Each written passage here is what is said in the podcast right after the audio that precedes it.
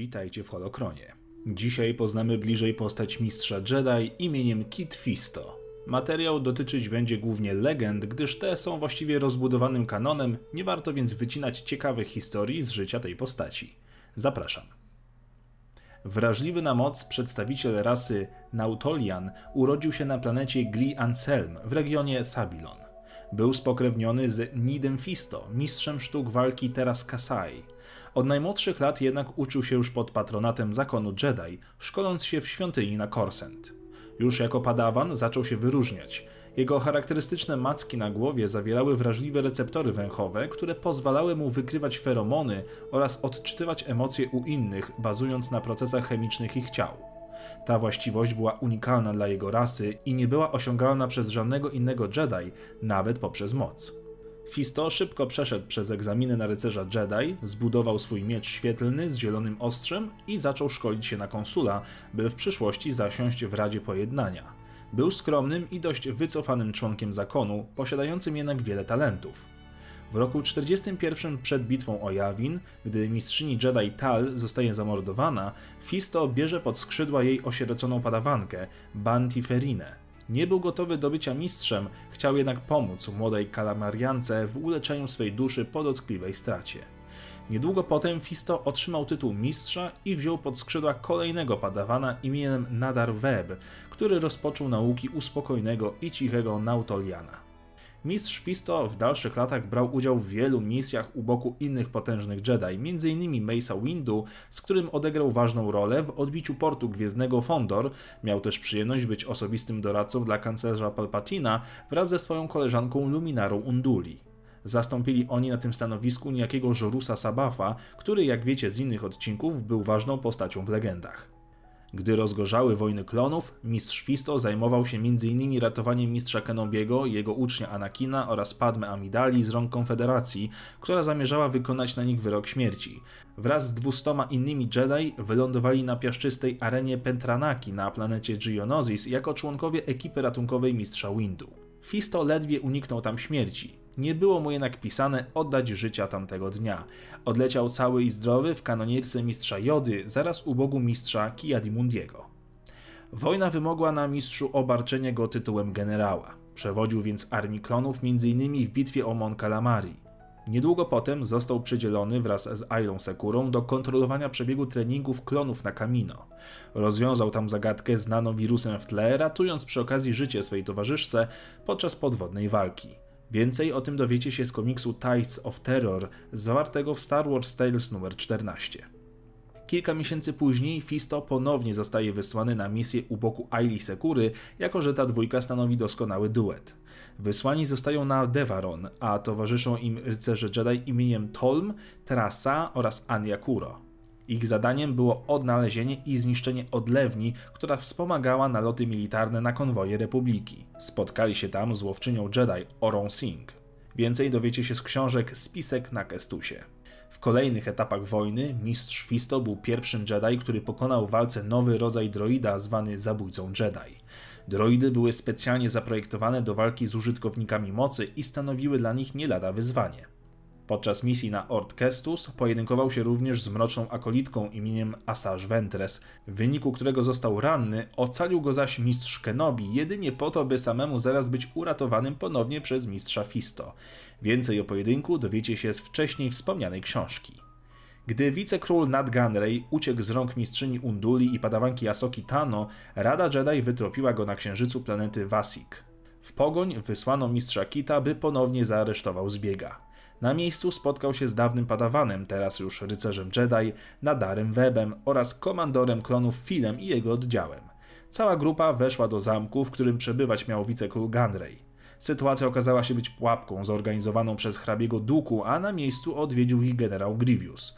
W wyniku pojedynku stracił on jednak obie nogi i salwował się ucieczką.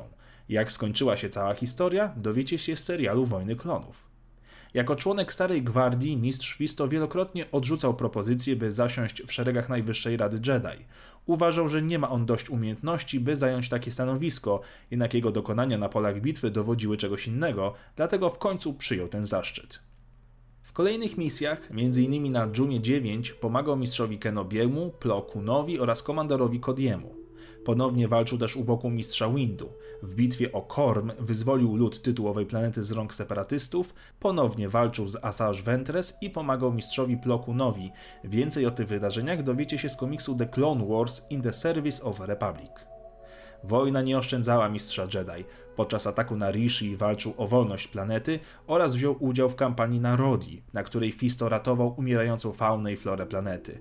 O tych wydarzeniach dowiecie się z mini komiksu internetowego The Clone Wars Hunting the Hunters, część druga.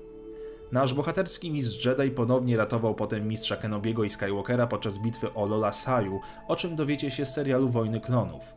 Niedługo potem Fisto wziął udział w wyprawie na Mon Calamari, gdzie właśnie kończyły się rozmowy pokojowe między Quarenami a Mon Calamari. Wyruszył tam u boku Anakina Skywalkera oraz Asoki Tano oraz oddziału klonów ze specjalizacją do działań pod wodą.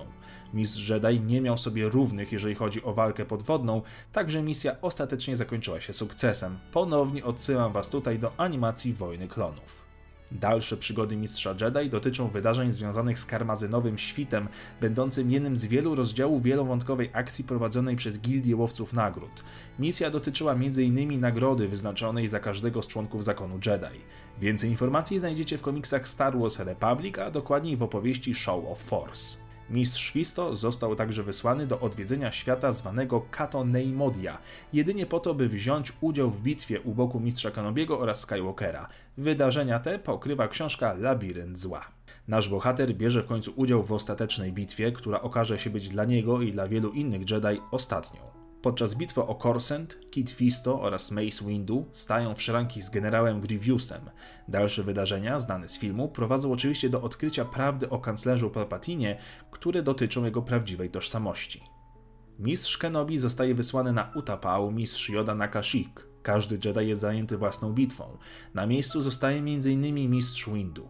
Po odkryciu prawdy o Lordzie Sith, Windu wzywa do siebie mistrza Fisto, mistrza Sisitina oraz mistrza Agena Kolara.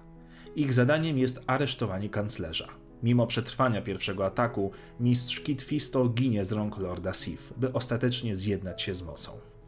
Niestety, wrażliwy na moc wujek Kita, Nid, zostaje niedługo potem zabity z powodu rozkazu 66, kończąc tym samym możliwość kontynuacji spuścizny, jaką zostawił po sobie ten wybitny mistrz Jedi.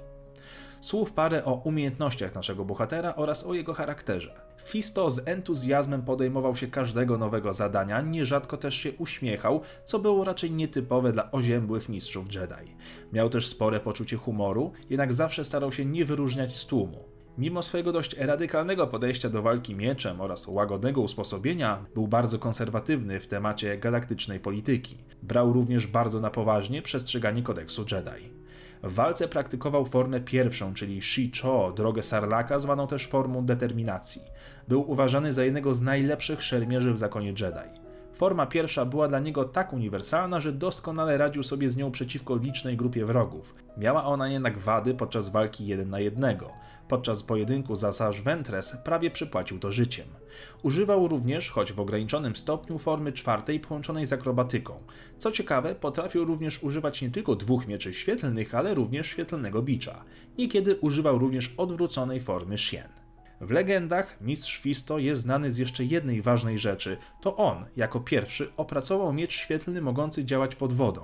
W kanonie wszystkie miecze mają już tą możliwość, w legendach jednak to właśnie miecz mistrza Fisto posiadał specjalną, dwukryształową budowę oraz rozwidlający się zapłon pulsacyjny. W używaniu mocy był również biegły, korzystał także z umiejętności wpływania mocy na żywioł wody, by ta służyła mu w celach defensywnych, jak i ofensywnych. Opracował także własną umiejętność zwaną kulą wody. Był jedynym twórcą i użytkownikiem tej mocy. I tak kończy się dzisiejsza historia o mistrzu Fisto. Dziękuję Wam za oglądanie. Proponuję kolejne postacie, planety czy wydarzenia, które chcielibyście lepiej poznać. Zachęcam do bycia patronem serii oraz do obejrzenia poprzednich odcinków i oczywiście niech moc zawsze będzie z Wami.